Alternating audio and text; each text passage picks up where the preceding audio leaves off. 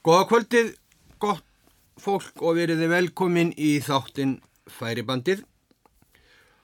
Og eins og í seinasta þætti þá er gestur minn töffarinn, strákurinn, sá svali, Raggi Bjarnar og við komumst nú ekki, við komumst ekki í seinasta þætti nema bara eiginlega þanga til 1958 og En þó náðu við nú að koma heil miklu frá okkur út í loftið. Vertu enn og aftur velkomin, Raki. Þakka fyrir minn, þakka fyrir gaman að vera komin. Heyrðu, og nú erum við komnir, sem sagt, á þann stað að, að það er nú ímislegt í kortanum hjá þér, en áðurinn að kannski við dembum okkur í það, þá langaði mig alltaf að spyrja og þetta er nú kannski ekki auðveld spurning og þetta er ekki auðveld spurning fyrir einna en einn í brasanum en, en samt verður nú að spyrja um það. Hvernig var hvernig var þetta þessum árum? Var mikið um, um, um, um læknadóp, var mikið um amfetamin, ég man að pappi gætt keift kramarhús í apotekinu og svo fór hann á eirin að vinna og þeir átt einhverja pillur og, mm. og hann og Steini Gummikall og einhverju fleiri og í, í svaka stöði Ah. en hvernig var þetta í hljómsveitabrásanum og var ekki allt vaðandi í kettlingum? Þetta er náttúrulega sko... Glæpsamli spurning Eh, Já, sko... eh, Nei, það var ekki dóp. Það var bara aldrei dóp. Nei, Það var engin sem allavega ekki, ekki okkar kynslu held ég sko. Það, það var, það var brennivín, sko. Það var alltaf vín. En, en það var ekkit, ekkit svona, eh, það var enginn byrjar að fykta. Ég maður reyndar eftir eh, sko, einum sem ég þekkti í og það, hann átt, sko, það var eitthvað svona sveftöflur nú, sem, sem, sem hann átt, sko. já, Og hann var nú ekki hljónstabransa, bara eitt svona sem var í kringu þetta, það var góð. Svo hérna, en það þurfti að drekka rosalega mikið kók já, til þess að, að sko halda því fá okkur kikk út því. Og, ég var alltaf endur og það kom í tóskafinsi og hann búin að hakka í sig fullt af við fullt af þessum töflum. Já. ég man nú eitthvað eitthvað hétu eitthvað, eitthvað svona. Og segi við Leif Þjón það var gamall maður eða fullorinn gatt sem var þjón í gamla já, og segi Leifur, Leifur, Leifur 20 kók, 20 kók, eins og skot.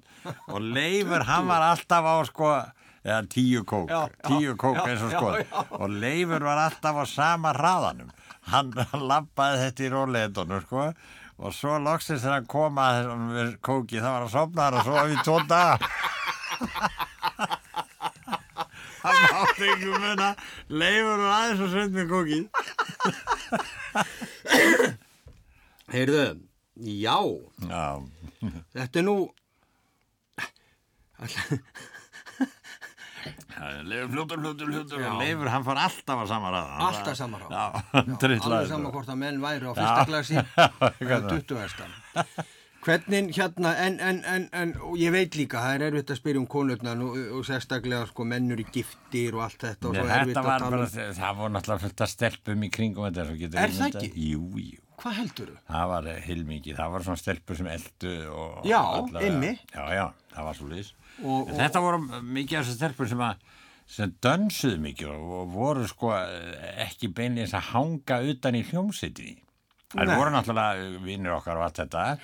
En, en þær voru meira til að vera bara í dansinum og vera í, í, í, í djaminu sko, mm skemmta sér. En- og vissu alltaf að, að við, það sem við vorum að þar var, þar var eitthvað að gerast. Já.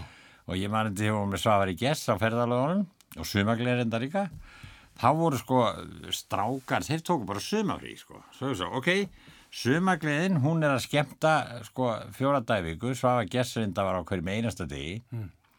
og nú förum við bara í frí sko, tóku sér saman og voru kannski átta í bíl og fylltu alltaf af, af alkáli og, og það var náttúrulega eina sko, það var einhver tjöld og alkál svo áður svo mikið í veitingahúsunum og svona félagsheimilum. Já. og þeir voru bara sögfrí Og eltu bara, eltu fylg- bara. fylgdu bara. já, já, vöknuðu svo bara ekkert hérna upp úr hátteginu og séðinu þessi til og fór svo að trilla næsta stað Nei, og balla hverju kvöld og það gaman. Fullt af voða stelpum gaman, og- ég að þvílíkt sumafrí. já, já, Ha, þetta- já, segðu já, maður. það voru svona eldarar Þetta voru eldarar. Já. Já, ég, já, já, þetta eru þetta, það er ekkit nýtt undir sólinni vegna Nei, þess að, að, sko, ég man þegar að utangarsmenn voru og héttu og voru að byrja, þá var þetta svona, og egoið, þá var þetta svona svipað.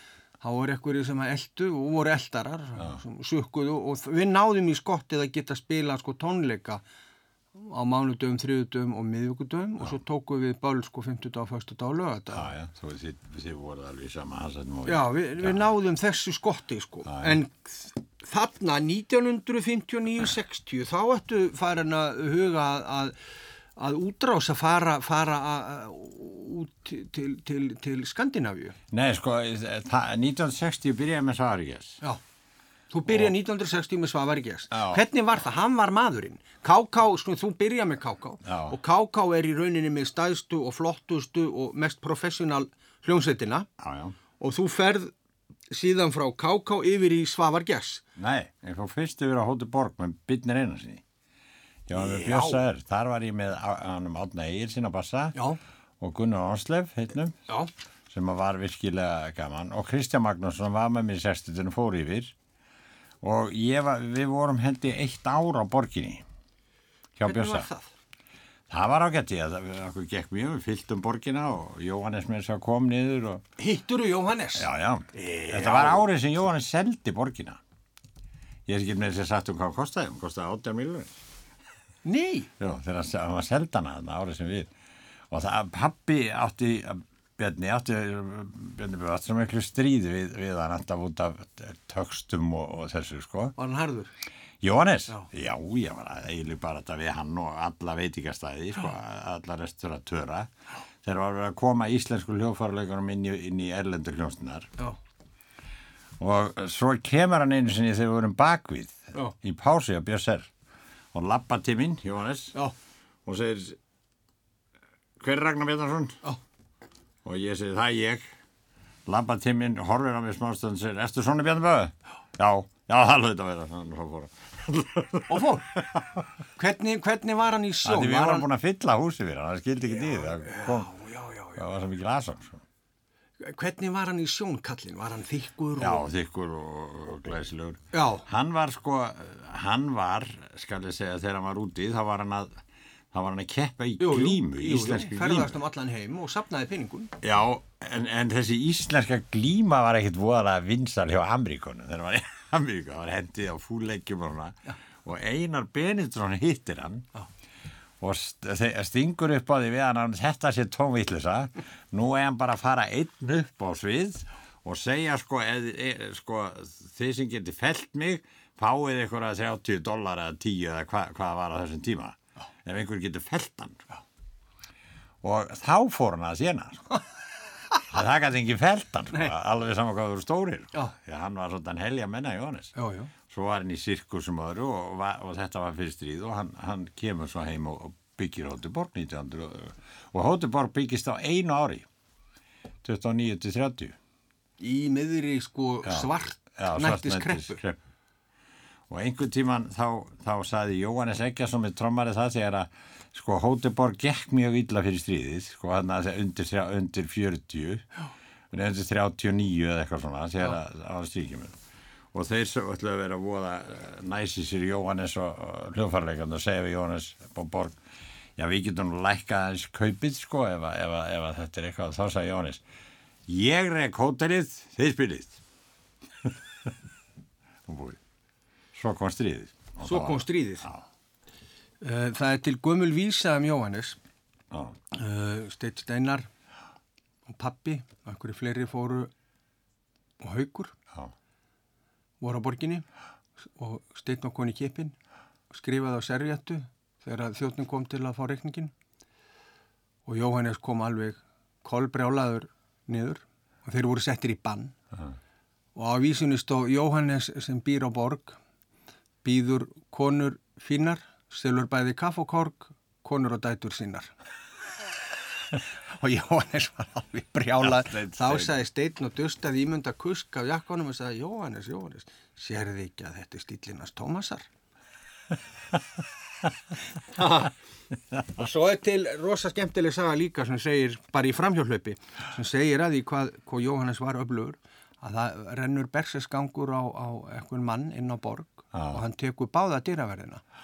Og það er ekki ráði við neitt. Nei. og lauruglan er í tómu tjóni og það er náði Jóhannes. Og Jóhannes kemur að manninum og hann þekkti Jóhannes og bara eitthvað virðingu fyrir hann og Jóhannes réttur hann um hendina og kæri elsku vinnu gaman að sjá því og tekur í hendina honum og leggur svo hinna yfir og svo allt innu limpast bara maðurinn í höndunum Jóhannesi og hann teimur hann út eins og unga bann Já, og þá sögðu menn Jóhannes hvernig fóst að þessu? Það var nú ekki mikið máli, ég kipti þumlunum úr liði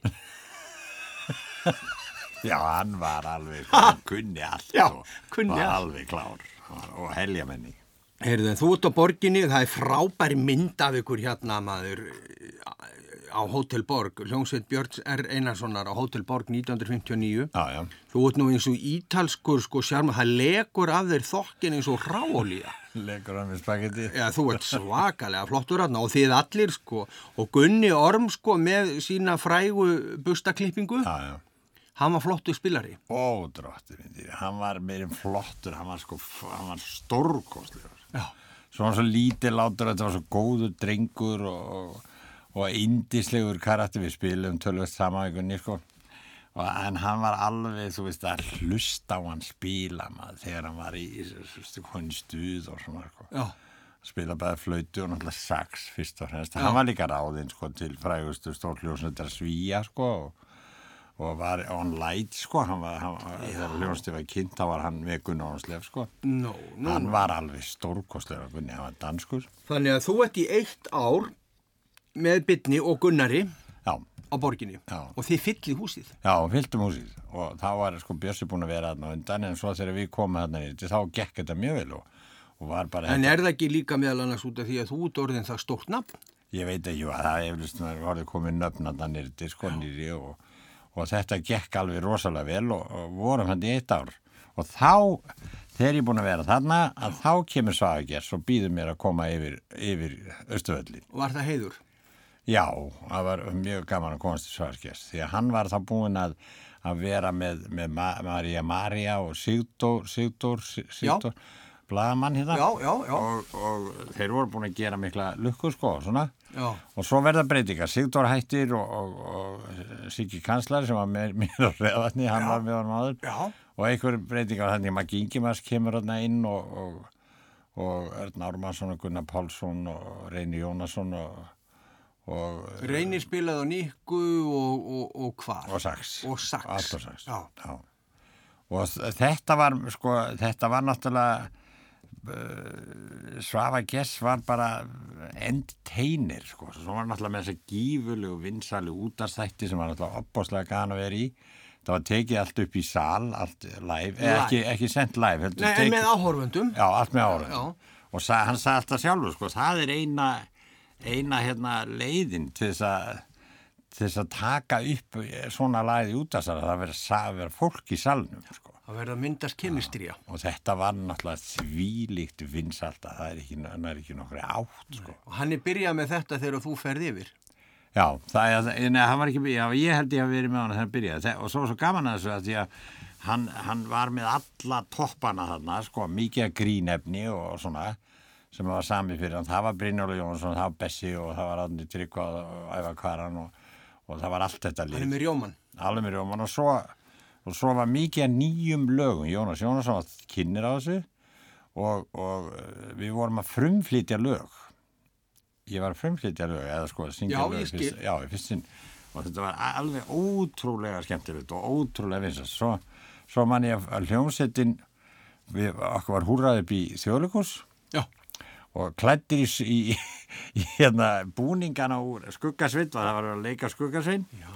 og við vorum allir settir í búningana Svafa grasagutta og svo mann ekki Maggi var hrefstjórinn og eitthvað og ég var skuggasvein Já.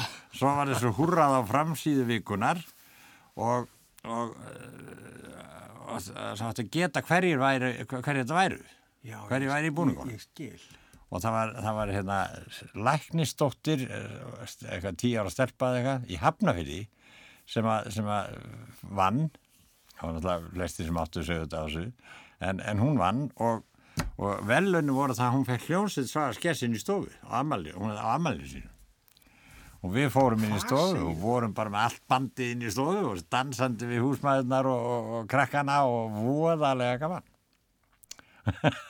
Já, Já, þetta var voða skemmtur manstu eftir húsnaðinu, var þetta Já, stórt? þetta var eða- einbílshús, Já, læknir í Hafnværi já, og það var bara virkilega gaf mikið að blaða mannum og voru mikið vesinu öll í kringu þetta. Já.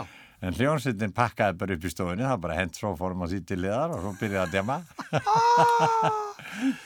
Heyrðu, ok, og þú ert hvað lengi eftir mig svappa þarna? ég er með hann við nokkur ár sko. Já, ég er með hann við þrjú, fjögur ár. En þú ferðu til Svíþjóðar í millitíðinni? já, ég fór að syngja þetta sem þú varst að tala um. Er bara, ég skrafti Stokkólms og söng Rokko Tja Tja Tja Kokkur og kútur á sandi. Já, Dimbla á augu. Uh, og Lilla stúlka mín held ég. Þetta gerði ég í Svíþjóð. Og þetta gerur með, til með, með hljónsveit Arvid Sundin. já, Og, og er, er það þekkt hljónsveit á þeim tíma já, úti? já, það er svo, það er mikið grín með, með, hérna, með Kokkur og kútur á sandi. Þú hlustar á, á upptökuna, Svíþjóðar upptökuna Já, þá uh, sko þannig var að, að svo kláraði ég þetta náttúrulega bara þú veist og söng þetta og það var tekið óskaplega vel á móti með svíjarnir voru alveg indislegir já, og hérna svo líðan okkur ár sko þá en ég kem heim þá fæ ég símtal. Þá var það formaður harmonikufélagsins í, hérna í Reykjavík og hann spyr mér hvernig hafa verið að vinna með, með Andrew Walter og ég sagði náttúrulega hver er hann já. hver er hann, hver er hann hann var að og Já. sér hver er hann Já. ég segi já, hver er hann hann er maður sem spilaði á harmonikuna með þér í Kokkur og Kútur og Sandi hann er frægasti harmonikleikar í Evrópu hvers konar villir ykkur Nei. Og þú hefðir ekki hugmyndu það? En það maður heyrið það þegar maður hlustar á þetta hvað hann er rosalega nikkari Ég verð nú að spyrja samt einu, spiluðu þið eitthvað tíman í Gullfoss, um bári Gullfoss, söngstu eitthvað tíman í Gullfoss? já, já, ég söng gullfóri en við fórum aldrei með hljónsitt ég fór bara sjálfur og, og, og við vorum að þvælast í kaupmann þegar við vorum strákar og vorum að leika okkur við verðum að heyra þetta, Raggi. Ég var eins og á Gullfossi með Alfred Flóka og Ragnari hérna, Smára? Nei, Ra- Ragnari hérna, alþingismann í alþjóðbandalæri, hvað er Ragnar, hvað? Arnalds? Já, Ragnar, Já. það það var heimlegin í Vittlusverið sem ég settu mér, það var Alfred Flóki, þá, það var rosalega, Já, hann var rosalegur. það var rosalega. Er, er, hann, er, er, er hægt að segja sögur á honum í útvarpi? Nei, ég, nei, nei, ekki neitt, nei. Ég síldi mikið með Gullfossi og, og, og, nafni minn sem ég skýrður í höfuð á Áspjörn Ólafsson. Já, já. Hvort er þetta drengur, leið mér aðeins að sjá tennutana, mikið askot er að hvita dæja mín, látt að fá 5.000 danskar.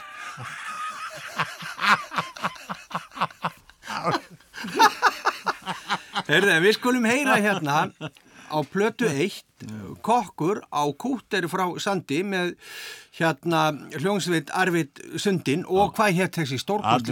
Já, sem að var eitt frægasti þá Hann var frægasti nikkuleikari leikari í Evrópu. og þú hefur ekki hugmyndu Nei, ekki sér, Nei, ekki. við skulum heyra þetta. Hann fekk ekki að spila sólu eða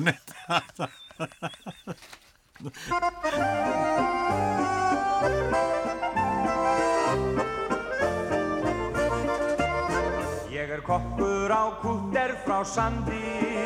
Ég fæ kjafsögg hvern einasta dag. Og ekki líður mér betur í landi Ef ég lendi við konun í slag Hún er tvíkild að afli hún tóta. Og ég tala ekki um sé hún reið Enda tek ég þá fljótast til fóta. Því að flótt er svo einasta leið. Ég var ungur er tóta mig tældi Okkar trúlofun samstundi spilt Og í hjónaband því næst mér þvældi. Það var óveðursblandið og styrt Því þegar fráleið hljók fjandinn í svínið Og er fætt voru ellefu börn. Þá var búið með gaman og grínið. Þá var grátur mín síðasta vörn Því á kvöldin er kjafsöggin dundu Svo í kammana báða mig sveir Og tárin af kvörmum mér hrundu Þegar hrættur und rúmið ég skreið. Já, þá skemmt hún sér skjátan svo arna Er hún skammirnar þinn, já mér létt. Meðan ég hýmdi hundflatur þarna Og hreyfði mig ekki um fett En á kúternum allir sig krossa Ef ég kem fram með við brendan gröð Og skipstjórans brástjörnur blossa Meðan bölvar hann rétt eins og nöð Og ef kjötsúpan virðist með kekkjum Eða kjötbollar reynist og frá. Þeir kenna slikt helvískum rekkjum Svo hef skemmtuninn vöngum mér á.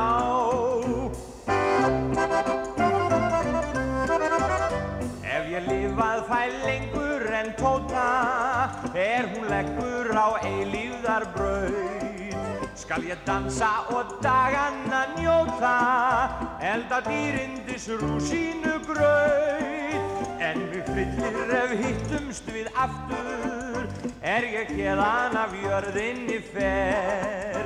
Nema einhver mér ókunnur kraftur Komi óðar og liðsinn í mér.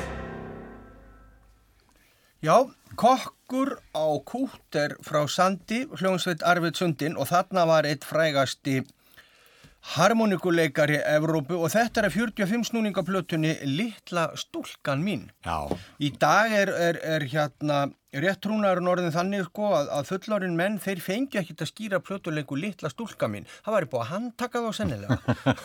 hann er, er alveg að það hefur verið kokkur og gúta. Hann er svakalegur.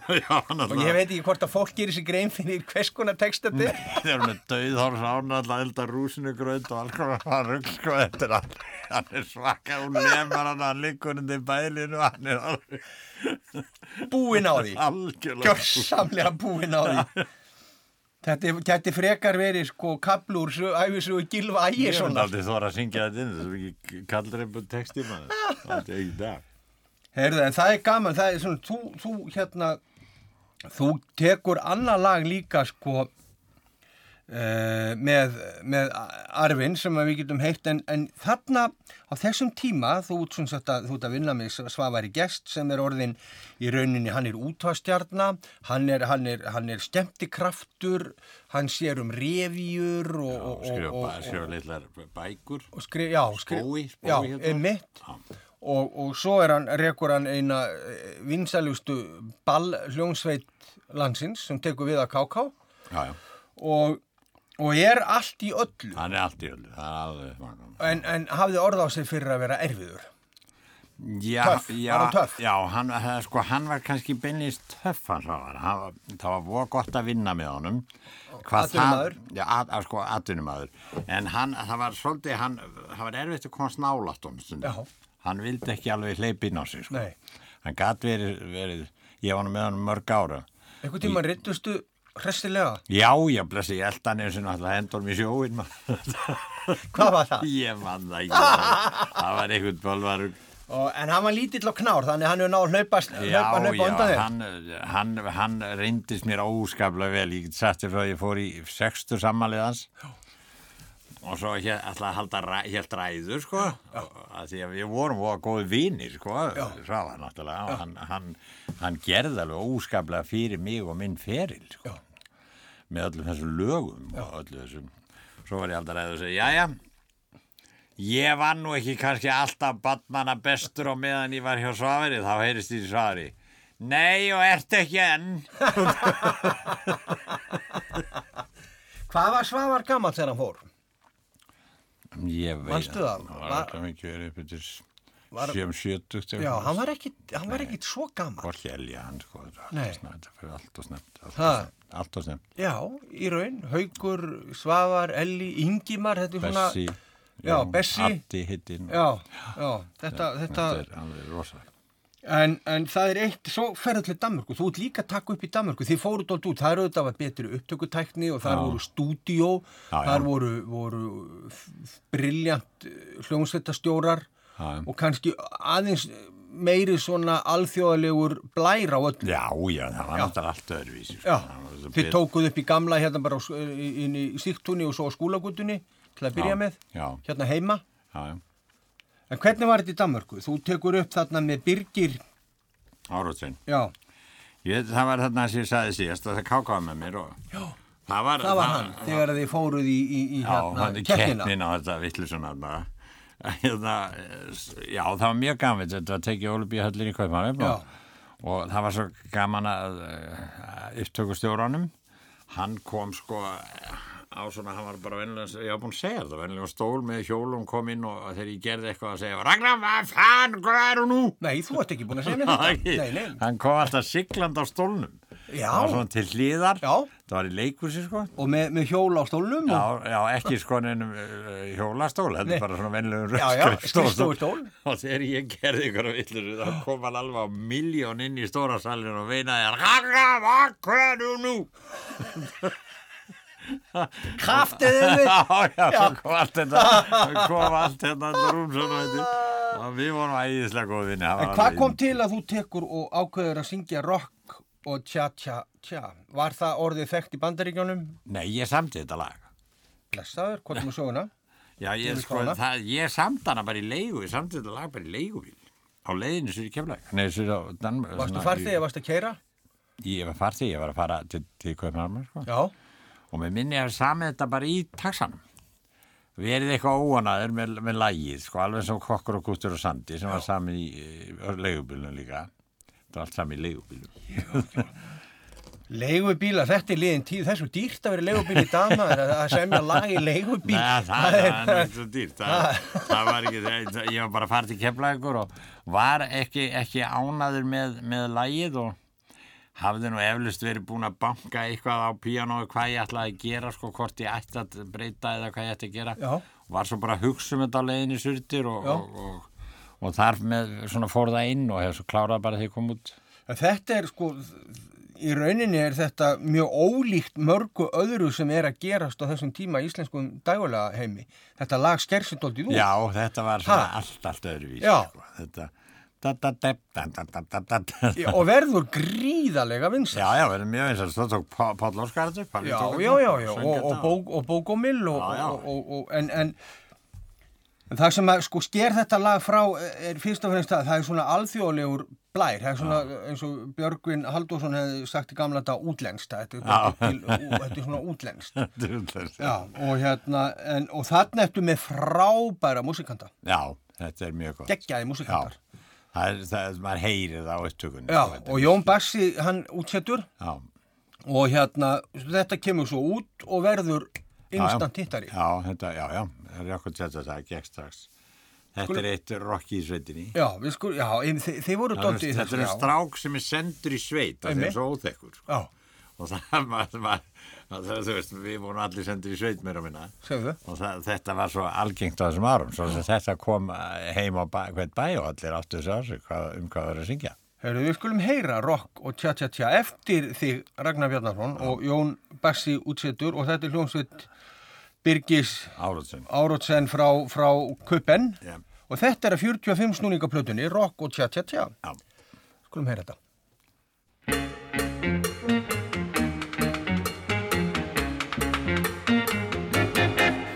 Hann var ungur og átti heim í bænum Alltaf var hann á ralli nótt og dag Hann var sendur í sveit í einum grænum Svo á hann kæmist lag Því þar bjó gammal bóndi sem að átti Nokkur bú sem hann raka mestust minn Og með hörku hann hafði alltaf stjórnað Hjúum eftir vild Svo kappinn kom í mjölkurbílnum um kvöld í november og hvaðst hér kominn til að vera með gull sem vera ber honum fannst þarna frekar döflegt vera sem víst furða ekki nokkur var.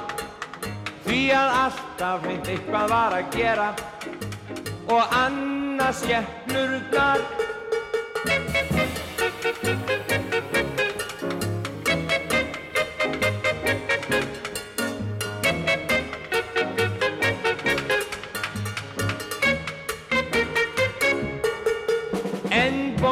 átti ung og káta dóttur sem álitli mjög og fögur var.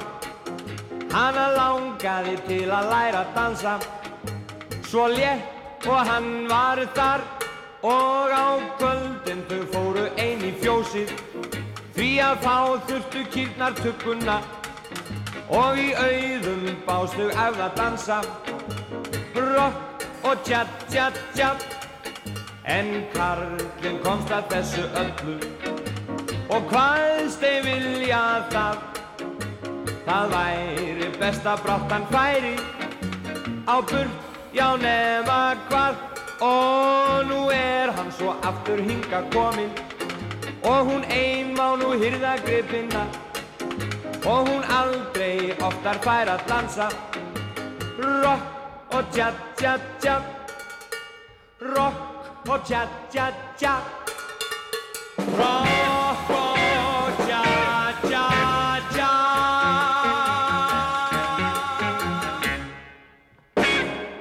rock og tja tja tja eftir þig. Ragnar Bjarnarsson, það er kannski ekkit margir sem að hafa vitað bara þangað til núna í kvöld að þeir heyri að þú hefur samið þetta lag og sem segir að, að þú nú haft bæði frjóleika og hugmyndaauðgi vegna þess að, að þú ert að draga inn svona latín stemmingu inn í Íslandst hérna Já. Músíklíf? Já, já, Já. já. Ég var náttúrulega ólstuð fyrir það að káka á. Og eins og pappa, ba, ba, Barcelona og það, þetta er náttúrulega spánst og, og. Uh, fóstu oft til Danmörkur á þessum tíma Nei, nei, ég fór ekkert mikið, ég fór bara í þessa ferð, sko. og tekur upp hvað, þrjú, fjúur, Já, þann tók ég verst ekki að horfa, þá hlíti ég, eða hvort ég hef, hvernig er þetta? þetta er 1960. Já, þann tók ég rokkot, en það verst ekki að horfa og, og, og það saman. Já, Og ævintýri og, og það. Já. Og er Elli byrjuð að syngja með Svavari á þessum tíma? Nei, hún er ekki, hún er ekki byrjuð. Ég, ég, sko, þegar ég byrjaði með Svavari, þá, þá var engin sönguna. Það ég, fyrsta, minni fyrsta árið eitthvað svona. Þá er þetta bara þú. Já, Hvernig, hvernig þið farið út á land, já, já. hljómsveit Svavar? Svavars, já, Og já. þið, þið, þið, í rauninni þið bara farið í, í Viking, þið eru í, í, á landsbyðinni hvað í 5-6 vikur? Já, hann, þetta var svona, þá var hægt að spila sko hverju kvöldi og þetta verið með bölla hverju kvöldi sko. Já. Spiluðum mándag, þrita, mitta, hinta, fyrsta, löta og svona dag. Og, og þá eru þið bara, þá er Svavar að selja inn. Já, já, það bara... það, það er opið í, í, í, í, í, í framhliðin er opin og afturhliðin er opin Já. og hljómsveitin eitthvað staðar þarna rétt hjá og svo bara er ringrás í gangi. Og í miðasölinni og þarna er ekkert sem heitir skemmtuna, skattur Nei, nei, og, bara 500 gallur úr og menn bara tóku. Og voru þið þá á launum hjá Svavari? Nei, við vorum, við heldum við, ég man ekki hvort að við við, við, við vorum á hlut sko, því við þénum ágæðlega og það var alltaf ekki? fullt sko, það var alltaf fullt, ég meina að fengi eitt fólksvækjan eftir sem ræði eitthvað svona sko. Já, þetta var alvöru sko já, já, já, já. það var, það var rosalega gaman það var svo mikið sem að sko það var svo gífurlega mikil aðsókn og spenning og þá var hann alltaf útastættin og var alltaf, hann var aðal maður og hljómsveitin æðislega góð voru Og ekkert annað í samkeppni Nei, bara, nei, áttuð- svo var það, svo, svo Þið áttuð bara það var náttúrulega Hugsa, stóri þetta er, þetta er, ef, ef, þetta er ekki gullöld, þetta er demansson. Já, þetta var það, svo svona.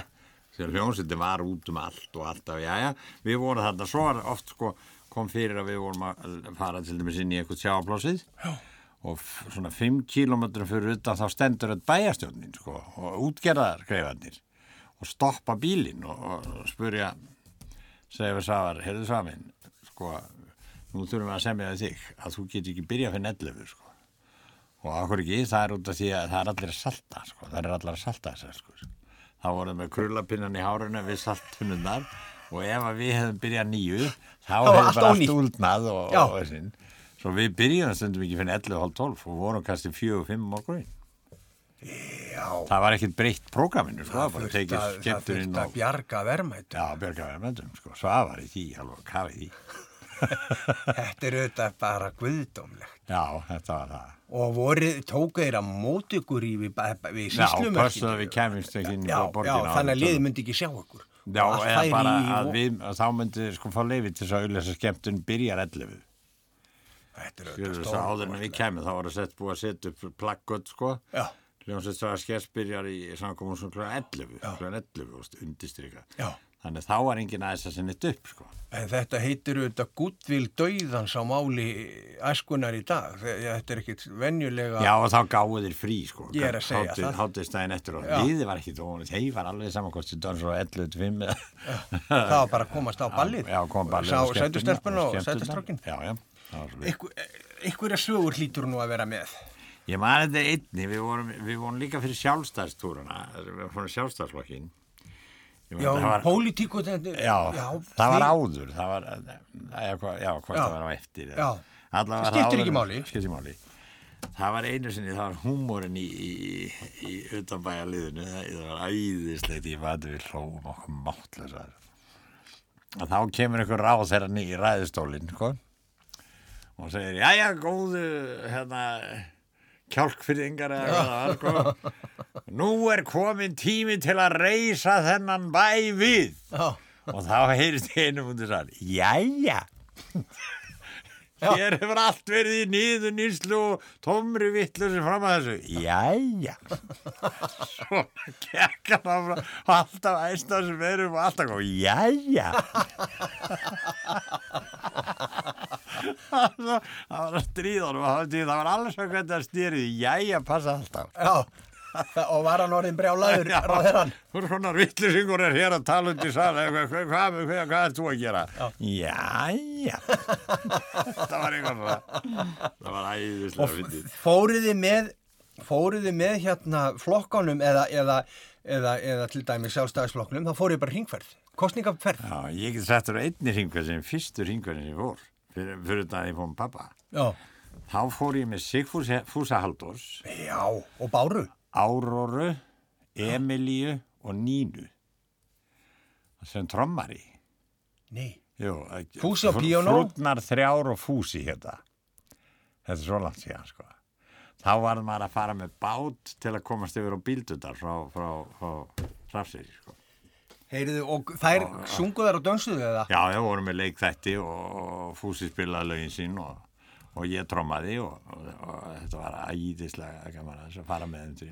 Tromma, píónu og Tromma, piano og ég man ekki hvort það var eitthvað meira, sko. Eða hvort það var bassi eða eitthvað. Já, og fúsi á piano og svo var svona svo var svona pallbíl sko, eða svona Já. þannig að konurnar komast inn í og fúsi og svo sátu við hérna sko sveinarnir með tjaldi yfir okkur aftan á nei, í alvegni. Í hó, hólóttum Hérna- og bílarnir eru ekki nema 50-60 km hraðar, sko. maður 15 elskar tíma ferð til Akureyrar. maður elskar standið það var svo skemmtilegt. Það var svo gaman, Skemmtilegt, voru svo frískar En, en hérna, hringferð með pappaðinu, sagður Já, ég fór nú með honum sko, bæði sem miðasali og drómari sko, þegar hann var að ferðast, fór ég fór reyndar ekki Hvaða ár er þetta, Raki? 40, pappa? 46 þá, þá, þá, þá er ég Hvernig var landsbyggðin 1946 og fara með Bjarnaböð? hann, hann, sko, hann hefur náttúrulega verið sko, með ótrúlega bjartýni því að hann býr bara til hvorki meira en að minna en stórsveit Íslands 14 manna band 14 manna hljómsveit og fer með þetta út á land og ég eh, oft velt þessu fyrir mér sko, hvernig, hvernig datt honum þetta í hug sko? Því að húsin sko, þegar hljómsveitin var komin Já. þá var bara einn triðji upptekinn á húsinu þegar húsin voru ekki það stók Stórkostlega. Já, hann fór með bara stóran karjól og þar voru þeir allir, Björnir Einarsson og all heila liðið. Sérðu sko uppeldis gildið í þessu, heldur þetta sé nú fyrir kannski ó, bútungarna í þorpanum að, að það, við erum að tala um alvöru hljómsveit, við erum að tala um, við erum að tala um, aldrei gert hvort ekki finnir síðan. Nei. Þetta Það eru þetta-. Það er alveg ótrúlega haugum það? já, haukur, og varst þú í miðasölunni þá eða tróma? Nei, ég, ég var ekki með þá, ég var svo ungur, sko, ég Já. var 12 ára. Og en hringferðin sem þú ferð er Já, það hvað? er bara eftir þessu, þá, 40 þá fer ég með honum, sko. Það er þá bara þessi 14 ára, 14-15 ára, eitthvað, þá Já. fer ég. fá- árið? Nei, ég man það ekki. Og þá fer ég að fara með og þá var þetta, við vorum með tvo bíla sko, það var með Lincoln 38 og Buick 40, þetta var alltaf bílandi, brotnandi í þessu öxlar og, og vesinn og ég var að keira þetta prólus og þetta var alls konar vesinn Og veginir, veginir Já. voru ekki hrikalegi. Svo glemdi ég að setja bensinlokja á Akureyri maður og fylltist alltaf drullu og þetta var eilíkt vesinn með þessa bíla. En gaman. En þetta var alltaf þvílíkt ævintýri, sko. Hvernig var landsbyðin á þessum tíma fyrst þegar þú átt að fara? Þetta, Þetta eru þetta veginir, þetta eru bara heiðar og, Já, og, ég og þetta. hólur Já, ég þetta var náttúrulega... og einangurinn var miklu meiri við ekki. Já, já, já, fólk, þetta var mjög gaman, sko, þetta var svo mikið nýjung, sko, þegar hann kom. Svo var hann náttúrulega vinsað, var ekkert síðan svaga gæst, því að hann var þætt í útvarpunum búin að vera með hljónsitt í vinsað. Hann er í rauninni sko, fyrstur. Já, já, hann er raunin fyrstur, sko, sem gerir þetta ykkur viti. Já. Já, já. Og Guðrún á Símonar, það eru kannski ekkit margi sem vita hver Guðrún á Símonar var og eina stó- stórkostlegasta óperusöngkona þjóðarinnar, hún byrjaði fyrirlin með pappa þínum. Já, já, sem dagulega söngva. Já. Og margir, Alfred Klausen og Haugur og Siggjóla og, og hinn eru þessir, sko. Sofía Karls, maður skilti Jú, henni. Hún söng sem var gamanvistna söngkona. Já. og- Já, já, þannig þetta var bara alveg eh, rosalega gaman að þessu öllu, sko. Og fólk kom sko, að- frá stöðum sem að menn vissi ekki voru til. Já, já, já, Já. kom ríðandi, sko, kom Já. ekki á hestum. Og, með pelana og stóðu við húsvækinn og skáluðu og svona, og þetta var mjög... eh, Slagsmál. Nei, ég man nú ekki eftir því, jú, það var, það, jú, það var, jú, ég man eftir því, það var hérna fyrir austan og þá, þá voru einhverju strákaguttar sem kom alltaf og, og reyna að hleypa öllu draslinu upp og komu nú kannski meira minna bara til að slást, Já, sko. einmitt. En þeir voru nú búin að gera eitthvað rástaðinu fyrir því, sko, að taka, það fengi einhverja, sko, alvöru gikki hérna úr sveitinni til þess að afgreða það, sko. Hvernig var með gæslu? Voru dýraverðir á þessum árum eða hvað? Já, það var dýraverður, það var eitt dýraverður, það var ekki löggjastla. Einn dýraverður. Ég var ekkert venn í miðasölunni þegar einhver ætlaði að vaða, ég man ekki hvar það var, einhver út á landi, var í miðasölunni og einn að koma inn, þá var ég bara smástrákur og, og, hérna, og ég var, að drepast í öxlin í fleiri vikur og eftir því að hann, hann komst ekki inn að því að ég, það var einu leið, það var ekki hægt að læsa, sko. Þá gæti þetta dýraverðin gæti koma að hjálpa mér. Rækki, hvaða far, hún að fara er þetta þarna á öxlinni henni? Heyrðu, en hvenar kemstu í tæri við Elli okkar? Já, það er, eh, það byrjar, það var nú hjá KK, þá kemst ég tæri við hana, svo þegar ég, Það er með káká. já, og þá byrjum við að syngja Já. saman og svona, eftir Sigrúnu, sko, eftir Sigrúnu, hættir, þá kemur Elli. Sigrún. Sigrún hættir, og Elli syngu er að vinna hjá Jakobsen í Östustrætun, þegar KK fer fram með fyrstu ídólkeppnina, sko, eða hvað má segja. Það við kollum alltaf ídólkeppni. Ég er ánæðið með þér ekki.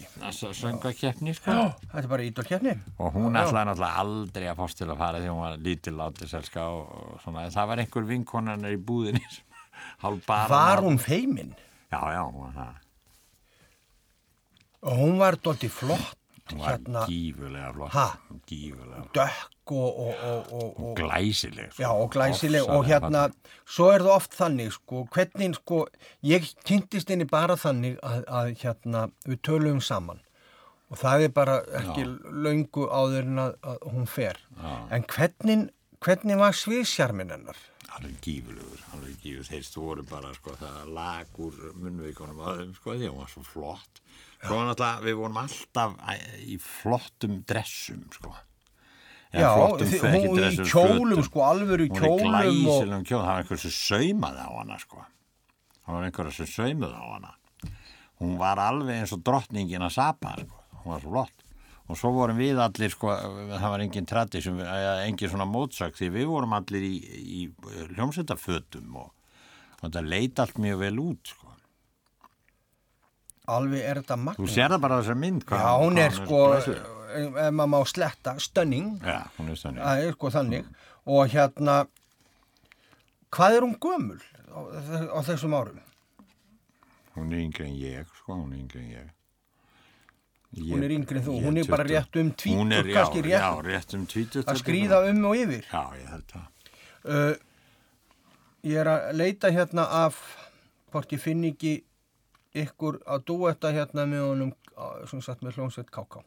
Já, við erum hérna með, um, En ég er með nóa... Að Svavari? Já, það er það, er, það er það. Og við skulum hérna, við skulum heyra hérna, þið hefur nú verið rosalega flott, þið er allir í hljómsveita fötum. já, það leit allt voðalega vel út, sko. Ég leit vel út, en vægt til orða tekið. Ég er að spekulur í hvað varð um þennan stíl, hvað, hvað gerðist? Bílarnir komu, þeir komu nú í en þeir voru flottir, sko. Svo bara einhvern veginn breyttist tískan, Já. sko. Menn fóru að fara bara í gallabuksurnar og, og voru í bólum og svona og Já, þetta, já. þetta bara breytti.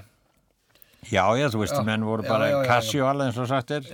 Voru bara afslappaður, voru ekki að hafa hennar stór áhyggjur af hvernig voru klættir, þannig. Hvað var hérna, eitt af fyrstu lögunum, eitt segi ég af fyrstu, það er kannski ekki það fyrsta, en, en eitt af þeim fyrstu sem að þið syngi saman þú og, og hérna Elí, er hvað? Manstu það?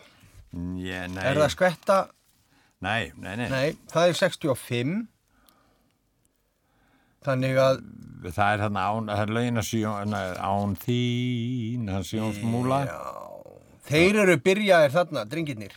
Já, er Jón Múli og, og, og Jónas Já, Arnar. já, já, við sungum hann um játnhausnum, sjómenni íslenskir erum við við Ómar og Já, já, ég, alveg svo, Þið, já, ko- já, þið komið, já, svo ok. sungum við Bob Dylan lag held ég sem heitir Hvert er fari blómi blátt? Já. Það er vel Já. í. Það er hérna Við sungum Kingston reyndar ekki næri nóg mikið að duettum í, sko. En við skulum heyra samt skvetta falla hossa og hrista. Þetta er alveg makalug stitill. Ef þú skoða skvetta falla hossa og er hrista. Það er að varða, það er skvætt að varða. Hann er svo gaman að fýblast yfir þetta. Við skulum, og það er með hljómsveit Svavar Gess Já, og það er af 45 snúningaplutunni Elli og Ragnar með hljómsveit Svavar Gess. já, hún er nú reyndar ekki með mér að þessu lagi. Hún er með mér, ef þú sér eitthvað... Hún er ekki með henn og þá erum við ekkert að fara að spila nei, það. Nei, það þarf ekki, án þín. Án Skulum, þí- þín. það er án þín, já, það er á hérna, tökum það. Já, tökum það. Elli og Ragnar Bjarnason og það er einmitt Jón Múli og Jónas Arnarsson sem eru kannski einir bestu sko, já, snillingar. já, ég sko, Sem lög, snillingar, alveg, þeir eru sko, Textarnir, sko. þvílíkir Því líki snillingar. og það heitir Án þín Já, og við skulum heyra það það er lag eftir þá bræður og textin og það er hljómsveit Svavargjess og það er þetta dýrlega nafn Járnhausinn af Já. 45 snúninga plötunni Leikritinu, Járnhausinn leikritinu. já. sem að hérna þeir skrifuðu tónlist í þeir Já, bræður. Ómar leikið þessu, þetta var í þjólkursinu. Ómar leki í þessu Þannig syngjum við sjó, menn íslenskir, erum við, ba, ba, ba, Já, ymmi Heyrum þetta Ham. án þín.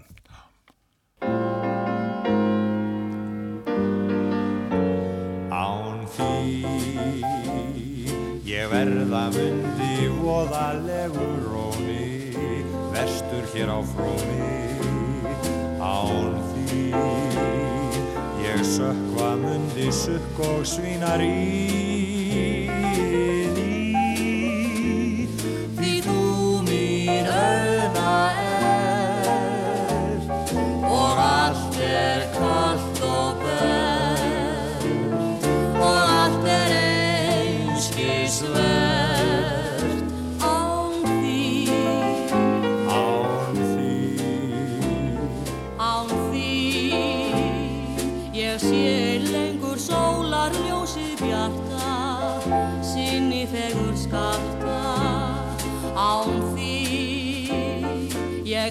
ég gleðst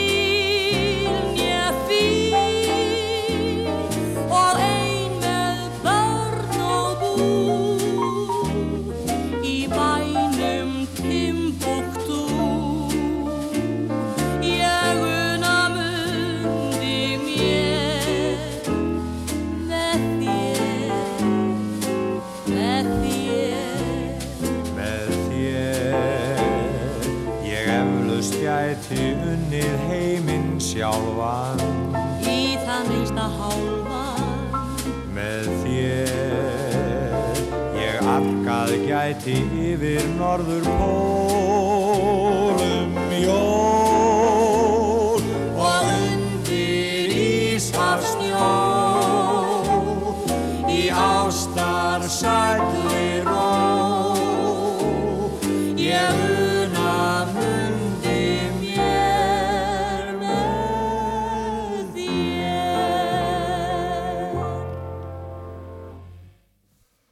Já, þetta var án þín, Járnhausinn, Jón Múli og Jónas Árnason.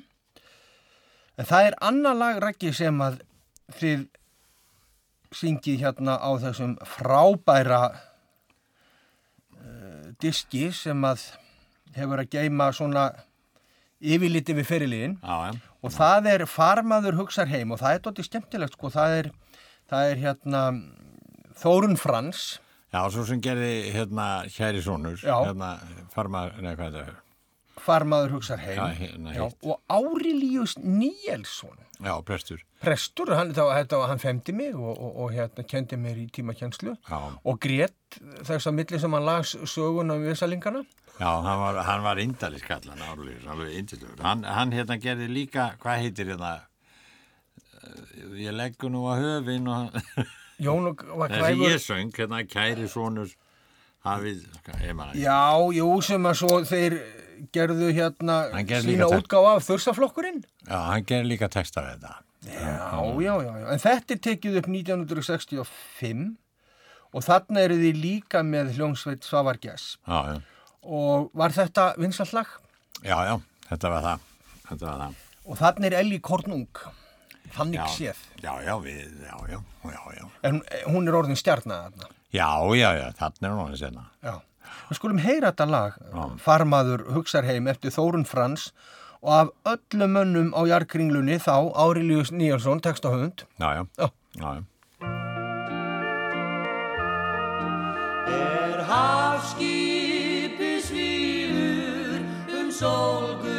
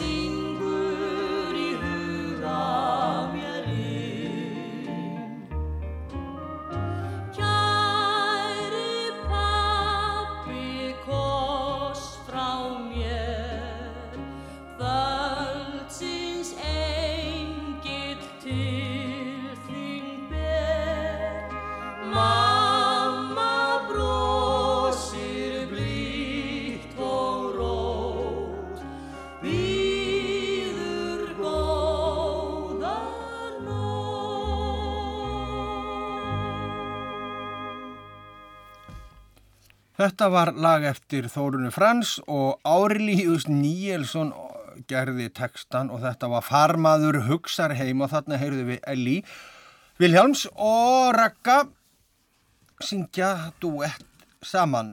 Uh, þið kynnist í hljómsveit Svavar Gess. Já, við kynnumst þá. Hvað kemur til og hún kemur í hljómsveitina þar? Manstu það? Uh, Þá var hún búin að syngja sko með Káká. hún var búin að syngja með Káká. Vissur af henni þar?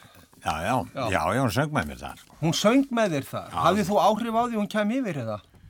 Nei, nei, nei, nei, ég gerði það ekki. Hún, hún sko, ég, ég fer bara yfir til Svavas þarna fyrsta árið þegar við vorum að syngja þessi lög, þá var ég að syngja, var þetta ekki vorkvöldir ekki og þetta saman sem að, sem að, áttu ekki einhverja minningar í sambandi við það? Já, jú, innur, við förum í það sko Já. þegar að En, en svo kemur hún yfir og, og uh, er með mér þarna síðast ég, ég man alltaf eftir því að hann skrifaði sko, hann skrifaði mikið að gríni. Við vorum líka með grín sko. Ég var alltaf að leika einhverja sveitakalla Á sviði? Já, já, ég var að kafi því. Og, og hafði verið gaman að því? Já, já, ég, ég þess að las einhvern að ég, ég væri flott, flottasti bóndaleikar á Íslandi, ég að leika gamla bændur og hana Já, forvari latta. Já, Í já? Latti var með okkur í þessi. Já, einmitt. En hvernig var það, sko, Svavar skrifaði sketsa, grínsketsa, var hann húmoristi? Já, já, bullandi humoristi. Hann það. segir ekki, Því að þú hann- sagði, sko, útastættin hans voru þannig, hann tók upp menn og, og talaði við þá og svona djókaði á þess að sko móðganit Skilji. en hann það kemur alltaf einu sem kemur æðislega stór kall til hans í útvarp hár. Og, og gestur, ég kallaði hann alltaf gestin svagar, hann, hann horfir á hann og segir já, þú ert nú bara svo viti, segir hann við hann. Já. og hann þá lítur inn niður og svagar og segir já, og þú ert svo alviti svo hafa hann skrifað þetta sjálfur í bókið sér og varst þetta alveg æðirki svo hérna við vorum eftir að skemmt í skúlagarði sko. Já, tek- sem er á meðal- þá tekur hann konu upp og, og hún er að segja hann ó, það er indislegt að sjá þig og það er svo gaman að fá að sjá þig og tala við þú sem er eitthvað lítill. Það var svona að vera stríð ára átt að ég var lítill. Já, og hérna og hérna og, og þú ert nú svolítið stór sér og, og hvernig, hvernig ferðu ég bara nú bara trölla mjöl því ég veitir nú ekki þetta svona tveim bókum og svo svona það var kálfur að fæðast hérna nöyt kálfur að fæðast í heimilinu og, og það er óskaplega gaman og hvað svo, og gekk það svona vel sér svo já, já, svo heitir það Svavar Gess og var þetta undibúið eða var þetta nei, bara... nei, nei, nei, þetta var það sem þú Þannig að, að fólk stóð alveg í honum. Já, já, já, já, já, það gerði það. Það var al fjöri, sko. Það stóði í honum. Já. En þetta var ekkit, næsti, þetta var svona létt og skemmtilegt. já, já, þetta var svona á, á gagkvæm virðing. Getum við ekki orðað En, þannig? húmor, og en bullandi húmor í því, sko. Hans, hans, þannig að segir, sagði sér frá, ég mann, mann ekki eftir því, þá var það á, á einhverju þorrablóti vestur á sögu, sko. Það var hann að gera grína því, sko, hvað menn væri útsjónasamir. Svavar. Já, Já. og hann ég hef nú líklega verið með honum því ég byrjaði með honum vestur á sögur sko, við vorum fyrst í, í fyrst vorum við í sjálfstæðarshúsinu niður Östuöld, hérna NASA Já, já, og svo fórum við upp í Lító og vorum þar hjá Þorvaldi Guðmundsson þegar það var flottur veitingastæður já. og svo spilaðum við með þessi Lító fyrir krakkana þegar það var bóling og, og, og, og svona milkshake og svona Já. þess og vorum að, meðan vorum að býða eftir að komast inn á sögu þegar hún var opnið 1964 Já, og svo var eitthvað voða flott hérna þorrablót sko.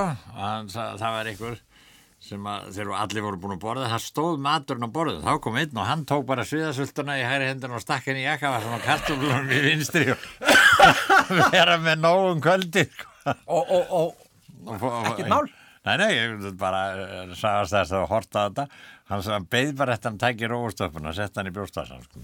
en að gera það nei, þetta, sko, ég sá þetta í Gullfoss, þjóðverðarnir gera þetta. Já, já, þau voru þetta já. Ég, ég sá það að gera þetta, það er nú þannig. En heyrðu, hér er nú lag sem er svo samofið rakkabjarna, samofið ferliðinum, alveg eins og verðt ekki alltaf Já, horfa, þetta var svona alltaf með og, og hérna einhvern veginn held ég sko að þetta lag í þínum flutningi er svona svipað og tilöru fræ með hauki, það er eiginlega ósnertanlegt.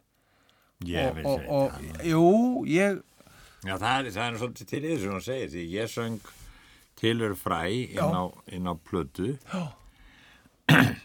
og ég var nú svona daldið að velta því fyrir mér sko, hvort ég ætti að gera það. Jú, jú, svo talaði ég við hann Hauk Svonans já, og spurði hann að því hann heitir Haukur, ekki? Jú, jú, yngsti. Já, yngsti. það er sko Ómar, Heimir og Haugur ég var mjög ánað með það. Hann sagði, jú, jú, það, við erum mjög ánað með það og skildi gera það. þannig að, en, en, en þú veist hvað ég meina? þetta, já, já, þetta er Þú kveikir alveg á. já, og, og mín minning er þessi sko, ég er að, ég er að hérna það er svona rauðamöl fyrir utan blokkinu í knóðuðinum og ég er að leika mér í, í, í bara þarna í mölinni. Og þetta er vorkvöld og gatan er full af börnum vogarnir voru á sínu tíma sko, þetta það er svo allt fullt af börnum í Brennó og Kíló og, og París og, og Hlátur og Sköll og allt þetta. Og svo eru opnir gluggar. Gluggar, þetta var þannig sko á veturnar bara sá maður gufuna stíga út úr glugganum þá var að vera að kafsjóða ísuna. Svo komu hausar út um gluggan og kölluðu gummi kom inn að borra ég kannast við það ég kannast við það. Og hérna en þarna gerist eitthvað sko. Kvöldsólin hún lendir á glirinu og lægið er sko að, að, að er komið í útvarp og það er verið að spila þetta lag var spilað sko allan daginn í minningunni. Já. og einhvern veginn tengdi ég sko það, sem barn þá, þá, þá þetta var svo skrítið sko það er verið að syngja um þennan hlut að, að, að sólin sko Já. lendir á glugganum og logar sko. Og svo gerist það í þeim orðum sem sungin eru sko. Og hún er ómalbygguð gnóðavorun er ómalbyggar á þessum tíma sko. Og, og, og þetta, þetta er svona þetta er, þessi minning hefur fyllt mér alla æfi en einhvern veginn og þetta er auðvitað sko eitt frábærasta vísnaskáld svíja sem að hérna semur lag og texta. En síðan gerist það að maðurinn sem kynnt okkur fyrir Bellmann að ykkur í viti er Sigurður Þórannsson, jarfræðingur og hann gerir, gerir textan þetta, hvað kom til að þetta lag kom til þín? Þetta var nú, sko, Svavar ánægla heiðurinn aðeila flest öllu þessu, sko. Það reyndar ekki verðst ekki að horfa. Hann, en hann uh, þekkti Sigur Þóransson Já, og, og Marja Marja til dæmis. já, já sem er, sem er mitt hann heyrði, þetta voru bara lög sem að Sigurður gerði texta við og var verið að syngja bara upp í, sve, upp í sveit. Já, sko, í- Þórsmörk og útilegum og já, já. útilegum því.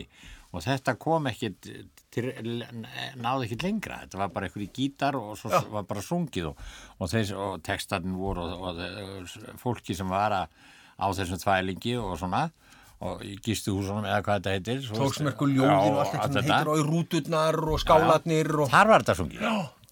Og svo he heyrir Svavar Þórsmerkuljóð, það sem Marja Marja já, og skellir því hann á plötu með Sigtur Sigtursinni já, og sama sagan er með Vert ekki að horfa Já. Nei, með hérna Vorkvöld. Vorkvöld Reykjavík.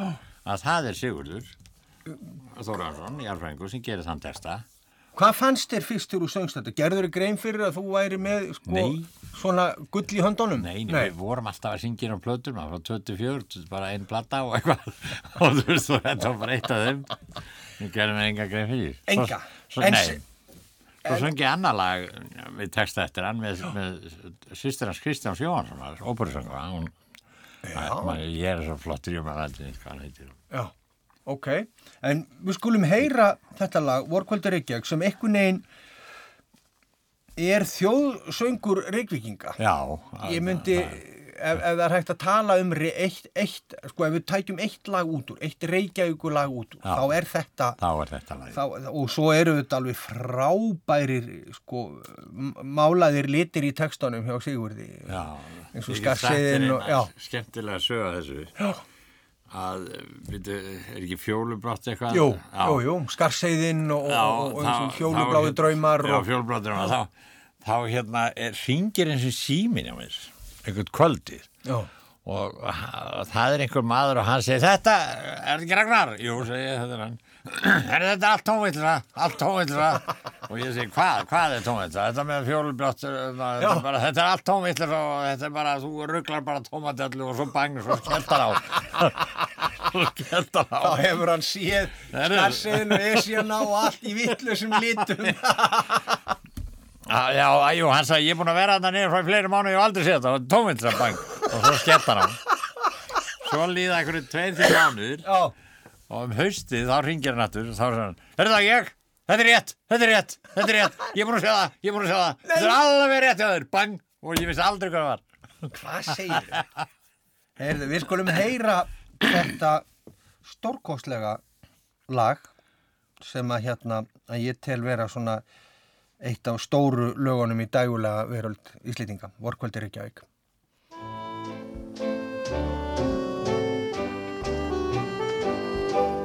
Svífur yfir esjunni sólróðið ský. Sindra vestur gluggar sem brenni í húsunum. Viðmjúk stríkur vangana vorg og landhlý Vaknar ástar þráinn í brjóstum á ný. Kist á miðju stræti er kona ung og heit. Keirar rútin piltar sem er í stelpu leit Akra fjall og skarðsheiði eins og fjólubláir draumar.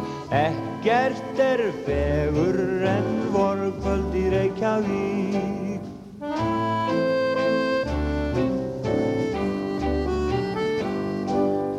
Tjörnin liggur kyrsæl í kvöld sólar glóð Kríurnar þótt amstri og bjástri í hólmanum Hjúfra sig á bekkjunum halir og fljóð Hlustar skáldi Jónas á þrastana ljóð. Dulinn bjargar lífi á dúnsins mjúku sæng Dottar handa móðir með höfuð undir væng. Akra fjall og skarðsheiði eins og fjólubláir draumar. Ekkert er fegur en vorkvöld í Reykjavík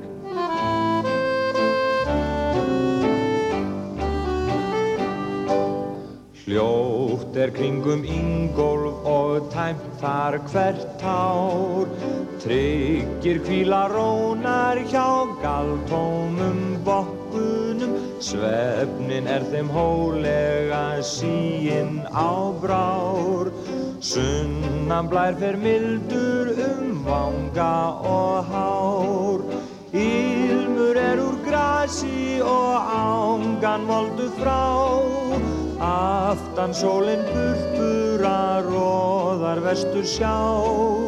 Akra fjall og skarðseiði eins og fjólubláir draumar. Ekkert er fegur en vorkvöld í Reykjavík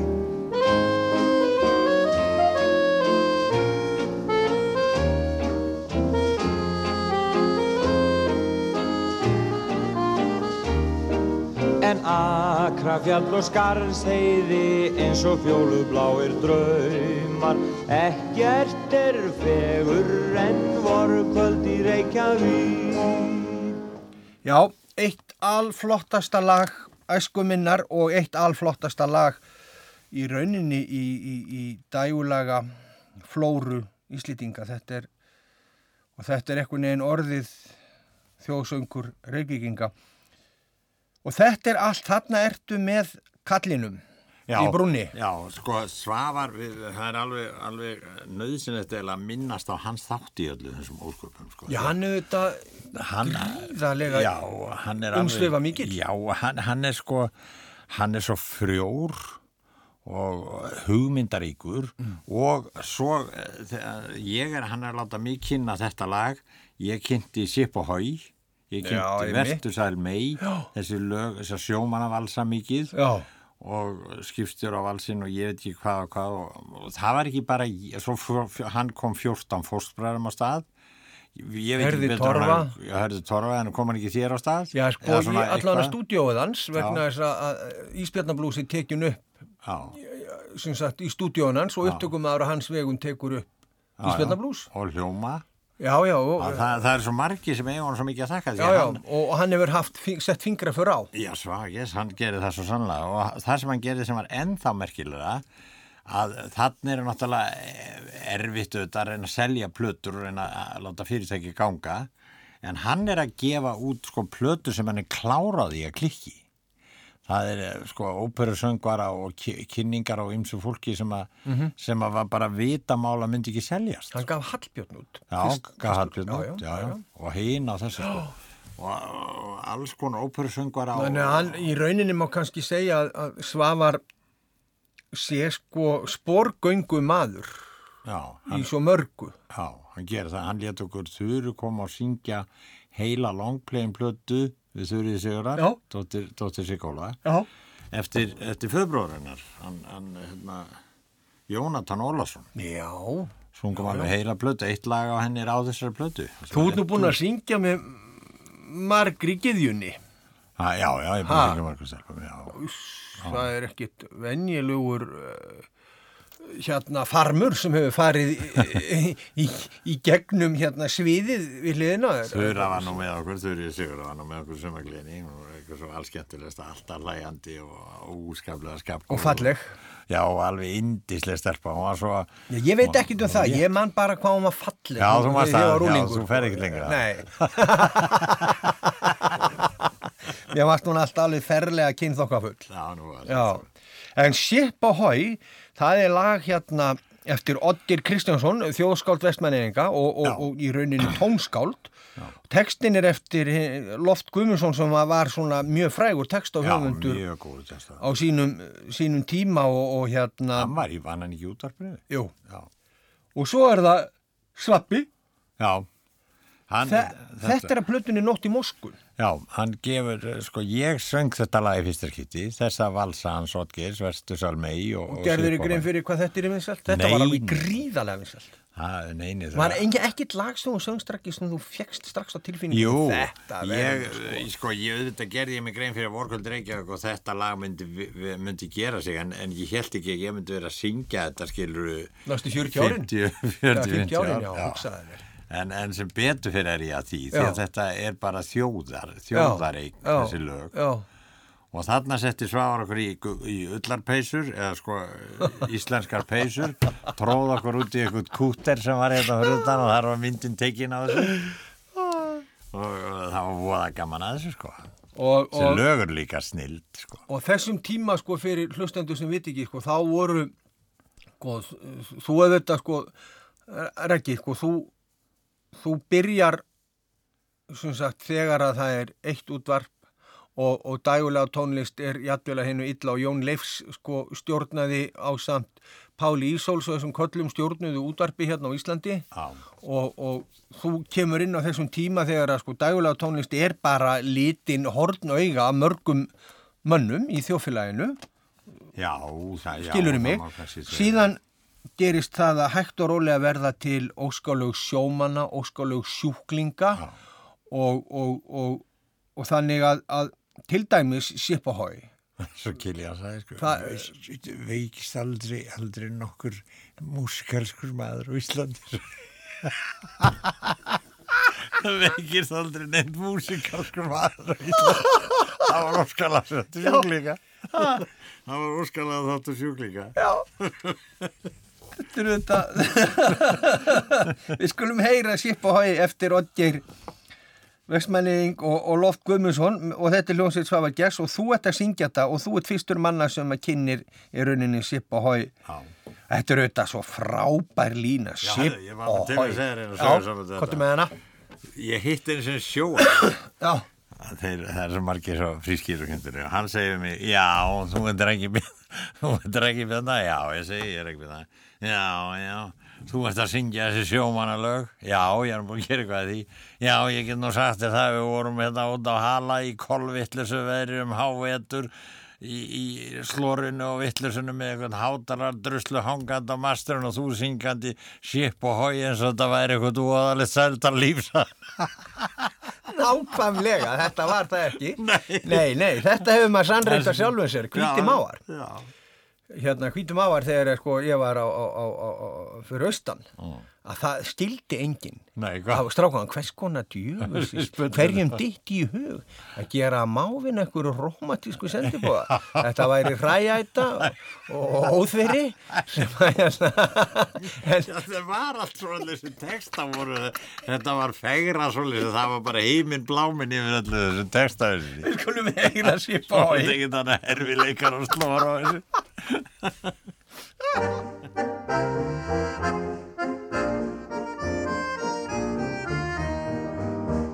Sjómannslíf, sjómannslíf, draumur stjálfa manns, blikandi báru fannst, býður í trilltan dans. Sjómannslíf, sjómannslíf, ástir og æventýr, vögnuð í fami býr, brimhjóð að vera knýr. Ship og hói, ship og hói, ferðbúið liggur flei.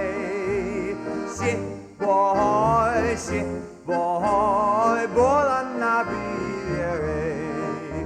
Við stelpurnar segi ég ástarljú orð. Einn, tveir, þrýr kossar, svo stekk ég um borð. Sipp og hói, sipp og hói Mig segðir hinn svala dröf Sipp og hói, sipp og hói Og svo nýja í næstu höf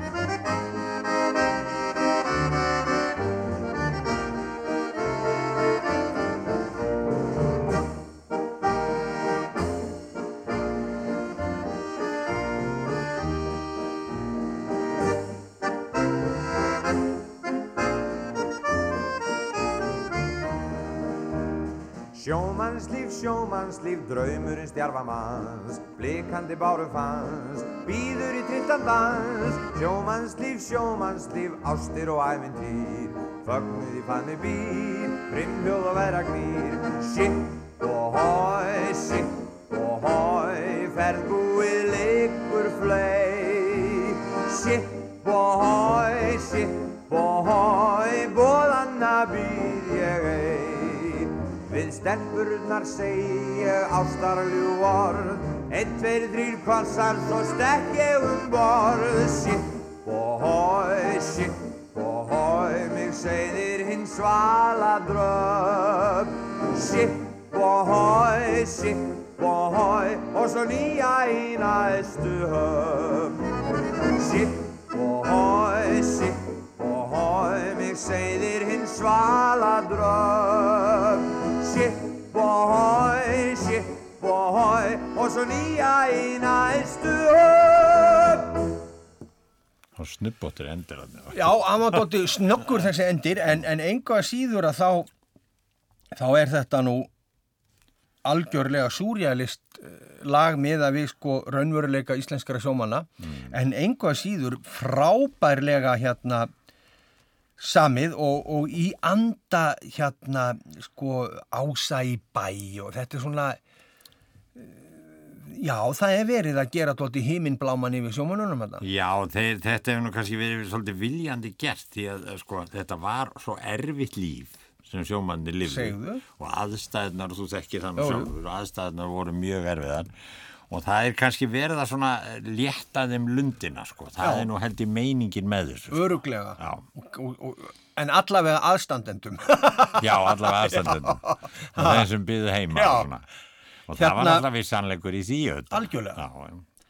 Heyrðu, þú tekur þið til sko á, á hátindi ferils þíns sem ungur söngvari og ferða landi brott.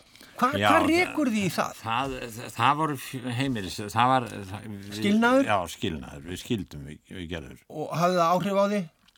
Já, svona, svona sko, já, já, þú Já. veist, það skilnaði, Já. það var það náttúrulega Já, alltaf. beygði og þig? Tvö börn og, Já, og, og já, já, og ég, ég svona misti fóldana pínlíti já. á þessum tíma. Hvernig var áfengi í þínu lífi? Þarna var, þarna á þessum tíma var svolítið drukkið mikið. Það var dóttir drukki mikið. Já. Og, Var það allir vandra? Já, hann má eiginlega segja það hafi verið sko kannski ekki alveg eh, á kafi eða svona en, en, en samt ég drakka á mikið og við gerðum það sko á þessum tíma. Svo ég ákvað bara að að stinga af Já.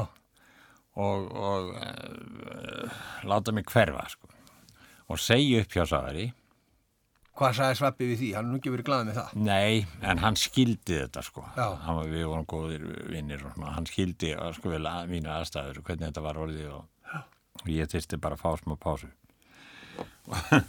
Svo förum við, fer ég til Kaupmannafn og hann fór með mér hann Kristinn Viljumsson, vinnu minn hérna, sem að var, hann var með neotríóið með Magnúsi Pétursinni og kalleitin Liljendal, þeir voru með neotríóið Já, já, já, já. og hann er að fara til Hollands að syngja.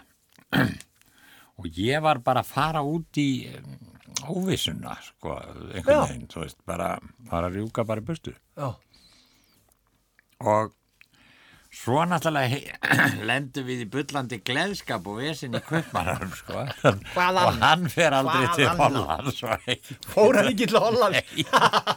hann fór aldrei til Hollands. Við vorum alltaf bullandi súrir í hann í kvöpmarar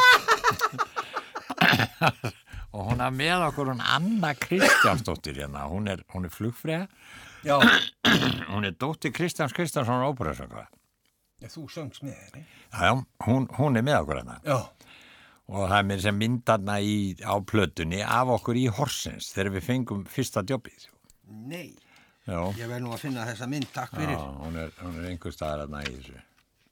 Það eru svo marga myndir hérna sem eru svo skemmtilegar að, að sem er, já, þetta sé ekki aftar þetta er tekið á sviðun í hótel, Jörgensens hótel hér stendur bara hljónsveit ragga bjarn og hippa tímabilinu, takið eftir hárgreisli. þetta var maður niður að herðar rúna.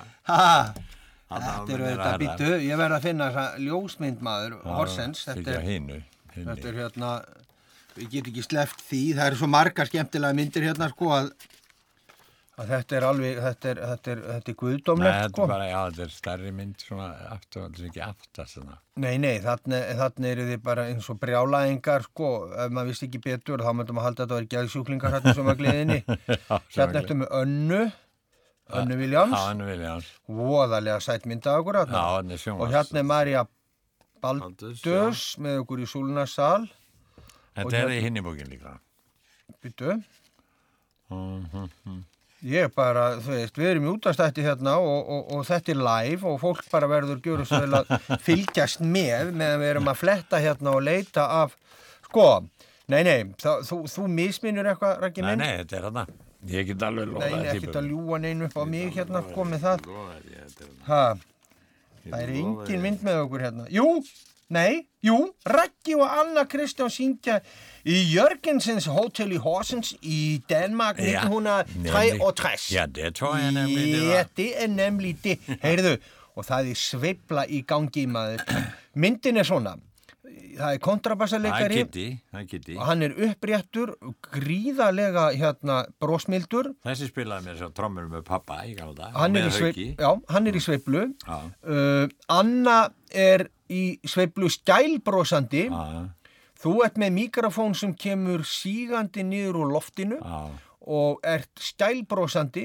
Sá sem er á fliglinum er Hann er danur, hann er danskur. hann er heldur ekki eins mikið brosandi en svo er það fólkið á gólfinu til dæmis er hér ung kona brosmild og með væntingar í augum maðurinn heldur dotti þétt utanum hana síðan er það hérna önnur kona sem að er eiginlega í, í fangbráðum, hann heldur svo þétt utanum hann að drengurinn, en er samt að kíkja á hina konuna. Eh, Sá er svalur maður. Þarna voru Íslendingar líka sko, sem voru í námiðan í Horsins ég hittar, ég ma- man ekki hvað voru, hvort hann er verkfræðingur þetta í Reykjavíkborg og ko- konan þau voru bæði í námiðanna þau eru góðu kunningar okkar og ég þekki það þann dag í dag Heyrðu, og sko, þið eruð að syngja þarna, bara, og eruð að gera, eh, sagt, það bara, byrjaði sko spilir ég við þetta, eh, sko þetta dæma okkar í kaumanum endaði náttúrulega með því að við erum blankir sko, njá, auðvitað.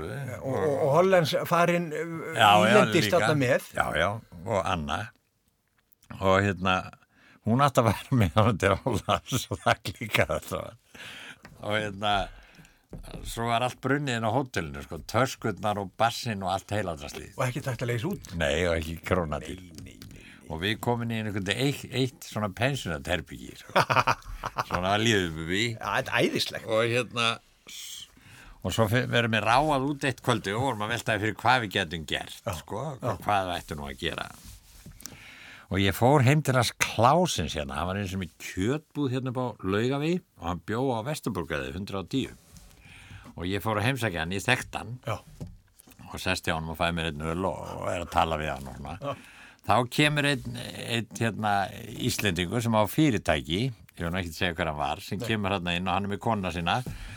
Og hann eh, sest hann inn og heilsar upp á okkur og svona þau eru að koma á verslunarferð og, og hann spyr hvernig ég hérna, hvernig það gangi. Og ég segja hann bara eins og er ég sé blokkur og, og hann rétti mér 30 kall sagði bara takk þetta og hérna Það er dóttill peningur þá. Já, já, þó, það var nú ekki mjög mikið. En, en svona, ég mátti aldrei minnast á hvað hann hefði lánum mikið þegar ég var að segja svona. ekki segja frá því hvað mikið. Nei. En allavega, Skammaðist þín þessi fyrir- 30 kall var til þess að við fórum að vinna, sem er ótrúlegt. Því að ég lappaði nér á Las Vegas, það var nætuklúpur sem að var þarna niður frá, við höfum verið náttúrulega þar nokkuð mikið og Íslendingar voru þarna mikið í kaupanum á þessu tíma og þú kannast kannski við um að hefur Jú, jú. hýrt um hann og þar er að spila norski strákar, norsk, norsk hljónsitt og þegar þið sjá að ég komið að inn, þið þekktu mig sko, þá kallar á mig að spyrja hvort ég vil ekki syngja Já.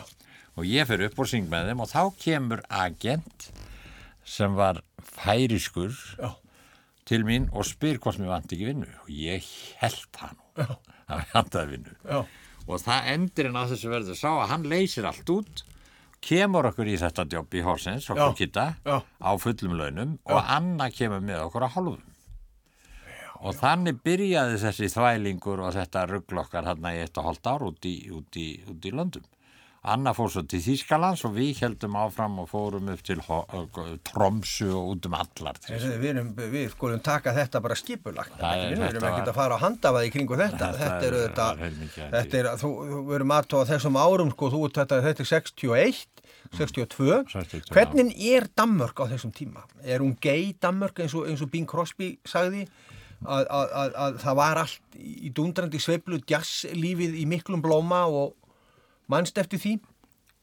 Já, sérstlegu í Nóri ég, ég, ég man eftir einu sem ég sem á eiginlega til með að segja þá við tölum setna með þessa ferð mína Kontum með það?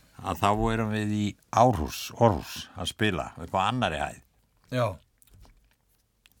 og danirnir þeir drukku sko eitt grönn og svo fengu þeir kannski svona Skot. Já, skot Jagamaster eða, eða, eða. Álaborgar. Já, þannig þeir drukku ekki svona mikið eins og við áttum að venjast þetta svona, menn voru ekki vodka alveg fyrir haus og, og svona, það var náttúrulega bjór, sko.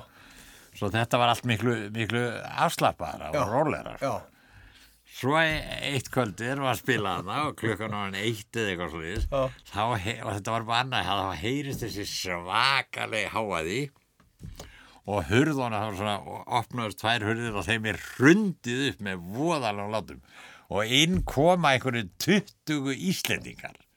Strákar snar rugglæðir og þeir Raki blenda og það var eins og fríst loftin á staði þegar vinnirnir komur þá voru það var svo, ég gleymi þess ekki það var svo mikið hressand að fá það á inn þeir voru svo frískir og gaman aðeins sko. Já.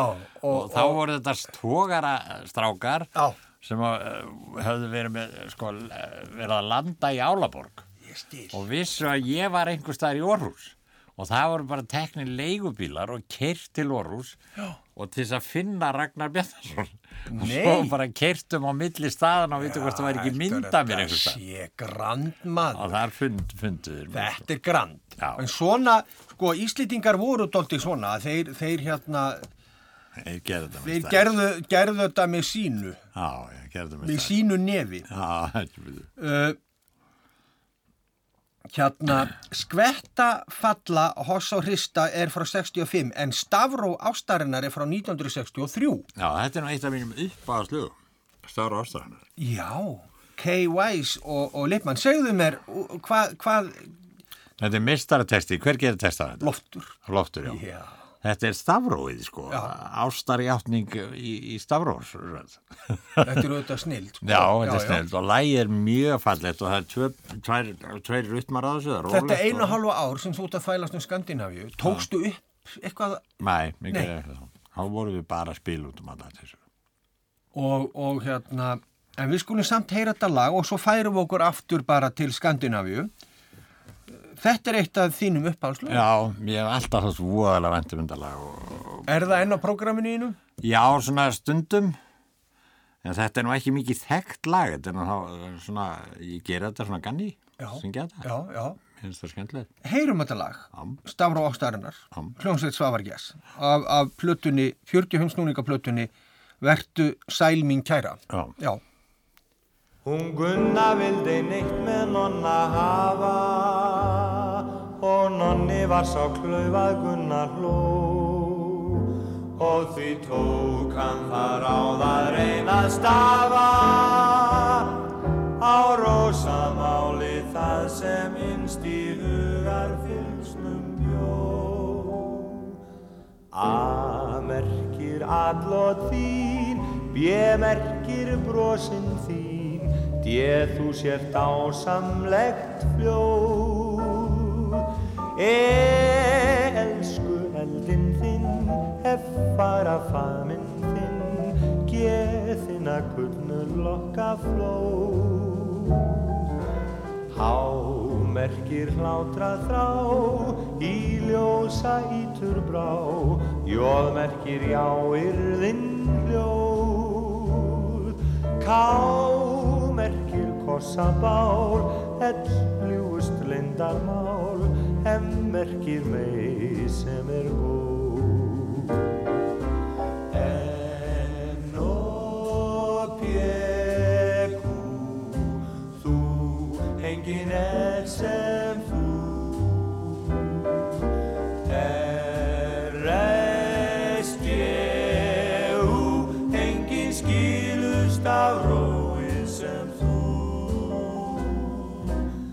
Vaff merkir von og heit, X-stað sem engin veit, Í seta þotnæ og ö.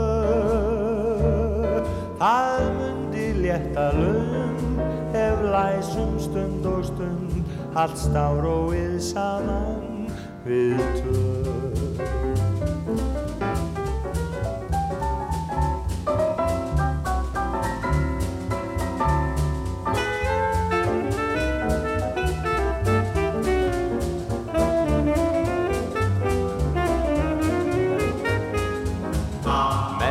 Allot þín, merkir brosin þín, þú sért ásamlegt fljóð.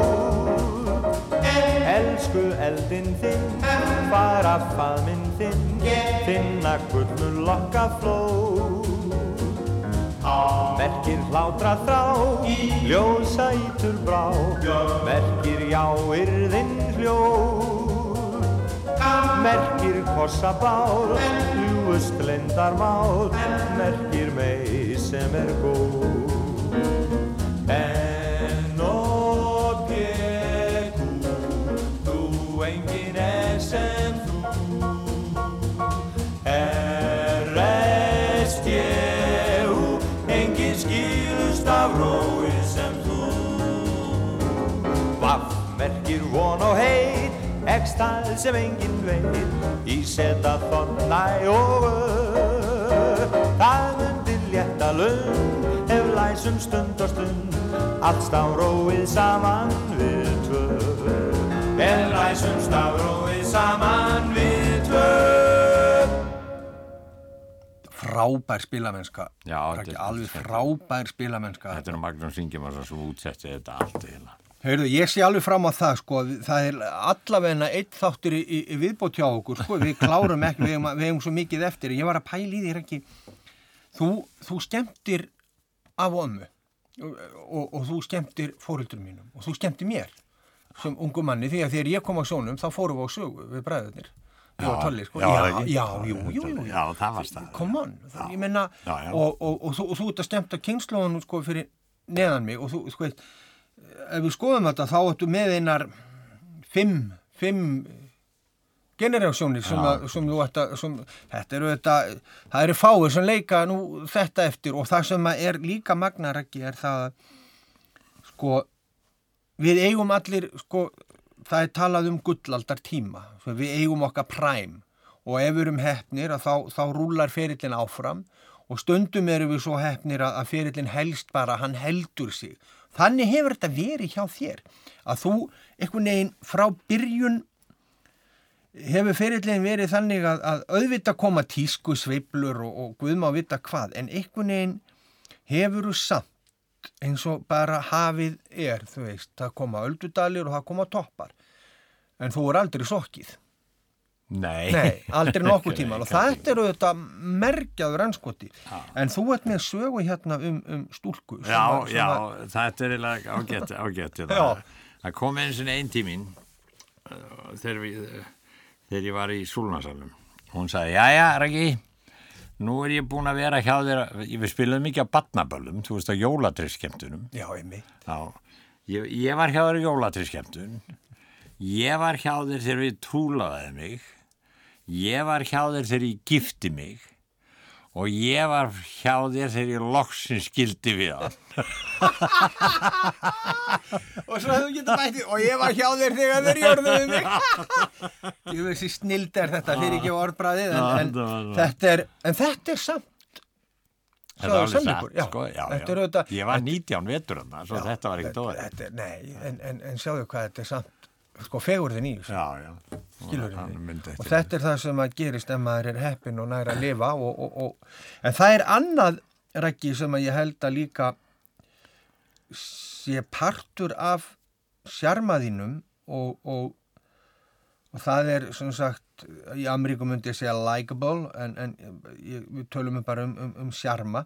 En það er þú hefur rosa gott skap. Þú sko það, það er staðrind að menn sem er ekki endalaust með haus, sko, hausinn onni í þunglindinu og áhyggjónum og svona að, að það skiptir dótlu máli að vera jákvæður og, og, Já. og svona og pastlega léttur Já, og kærulaus það, það er sko, það er nákvæmlega það sem að, það sem að mm, verður að vera. Þú verður að vera sko, þú mátt ekki vera með allar byrðar heimsins á herðunum sko, þú Nei. getur það ekki og það er, það er, það er voða margir, ég man alltaf eftir einum sem kom til mín uh, vestur á sögu, bara ég var að syngja. Það var strákur sem að ég þekkti sem að verið í skólan hjá mér, með mér í skólanum. Og uh, því, þá vorum við ekkit uh, sko, eldgamlir og eitthvað, 50 eða eitthvað og hann, hann, já, hann, hann kom og saði að, að sko, það var eða allt búið hjá honum sko. þú veist það, ég, Já hann upplýði það þannig. Já, hann upplegaði þannig. Það, það var allt, hann var hann svo gamall og það var allt í klessu og, og hérna. Nei. Og e, þú veist, samt var hann ekkert að skilja það svo, hann Nei. bara svo þungt svo ég sagði, blessa hvað þú talaði við mér maður. ég skal bara tala við þig og við skulum heyra hvað er að gerast þér og við settumst inn í bláasal og ég talaði við hann í kortir og, og fekk svona upp og þá var þetta bara hann hafði bara það hafði eitthvað smottir í klikkað hjá honum sko, eitthvað sem hann var að gera. Og það liti til þess að hann, hann svona lagðist bara niður í svona eitthvað þunglindis Lífið er búið. Já, Já, já, ekki nema 30 já, ár eftir eða kannski 40 ár ekki eftir beinlínis, og- En svona næstu því. Og mér tókst nú að, svona, að, lifta honum aðeins upp og s- sýna honum fram að, að sko, þetta væri það stutt að við hefðum eiginlega engan tíma til að standa í svona vissi. En það er, þetta eru orðarsönnu að það, ég held sko að þetta skipti gríðalegu máli, alveg gríðalegu máli og, og, og kannski líka gera það að verkum að, að þegar maður er nálægt er ekki, þá hugsa maður ekkert um aldurinn. Skilur það er ekki sem kvarlar ammanni.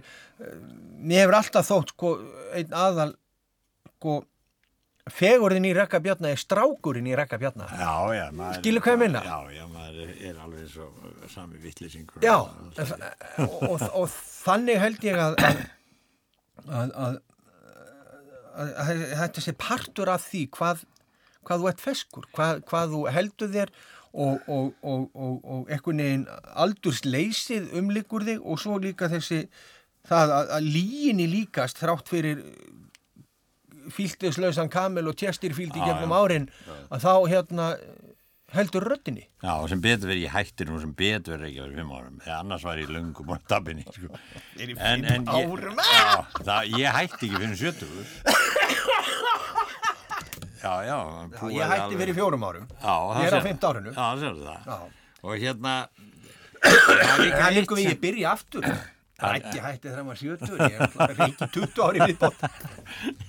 Það er líka eitt við þessu sem að ég er mjög, sem ég finnst gaman og það er það að að fullorðið fólk sko, þetta hjálpar mörgum að mér hefur verið sagt það sko að sjá mig syngjandi og trallandi sko á þessum aldri og þú veist að ég, fólk hefur sagt það við mig það, það, sko, það gefur mér kraftis að þú veist að vera ekki að vera ekki Væla. að eldast Já, sko, já, já, já, bara, Ég er alveg. Það Ég er sammála. það bara, þú veist, er allt Já. í lægir sko. Hvar var það í sjónvarpunum daginn þar sem að þú varst inn á elli heimili og sagði, hva? Er allir hérna á sama aldri og ég? Þú varst að syngja. Ég, ég datt úr sófónum, ég lóð svo mikið og svipurinn á fólkinu þarna var liðið sko komið á grafabakkan svo kom eitthvað maður skelli hlæjandinn hva? Er allir hérna á sama aldri og ég? Þetta var auðvitað alveg óborganlegt augnablík það dettur út það dettur út og mann er Já, þetta var sko, ef, ef, ef fólki fann ekki fyrir gleði og kvartningi þessu, þá veit ég ekki hvað maður.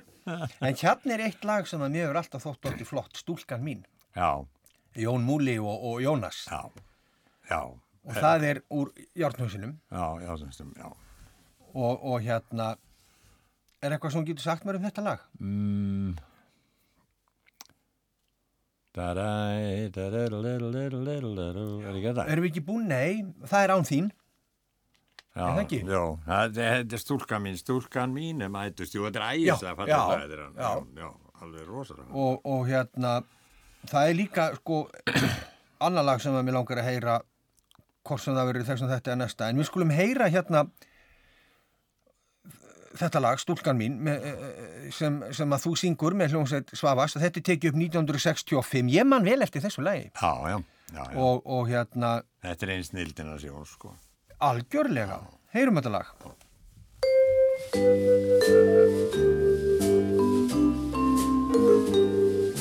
Stúlkan mín er mætust Meia og hvenna Sveinar ástar augum Á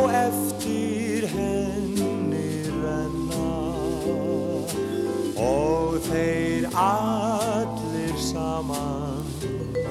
Á öndinni standa yfir því hvert hafbrað hún er til munns og handa. Nável saman sett hún er silki mjúk og nett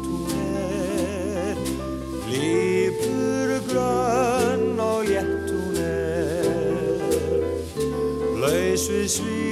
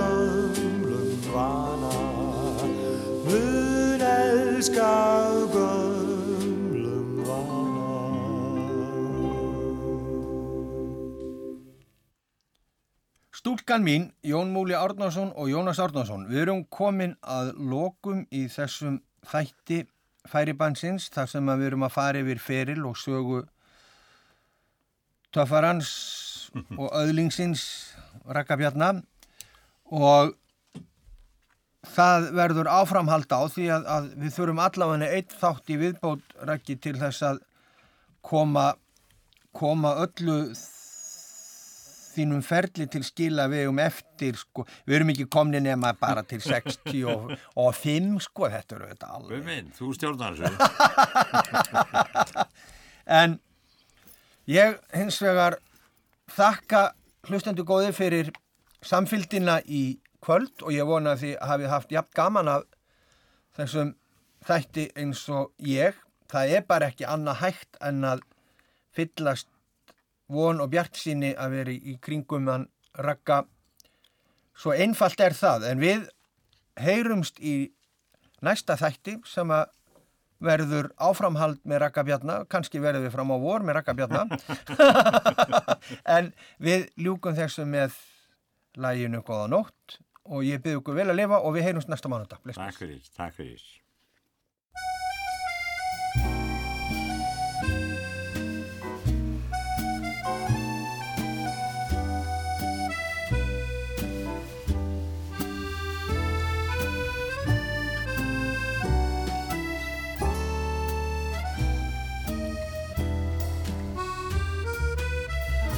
Við bjóðum góða nótt á meðan við þig hjúpar hljótt.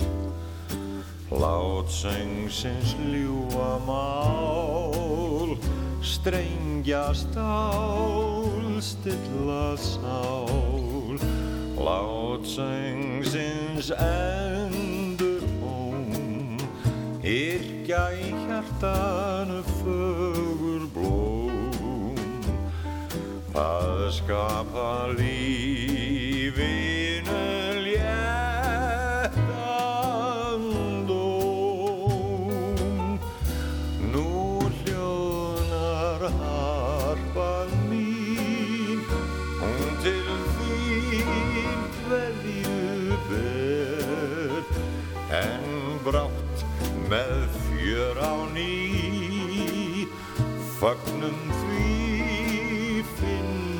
finnumst við hér á meðan húmið ljótt breyðir sinn faðm yfir frjálsa drótt. Við bjóðum allum, allum góða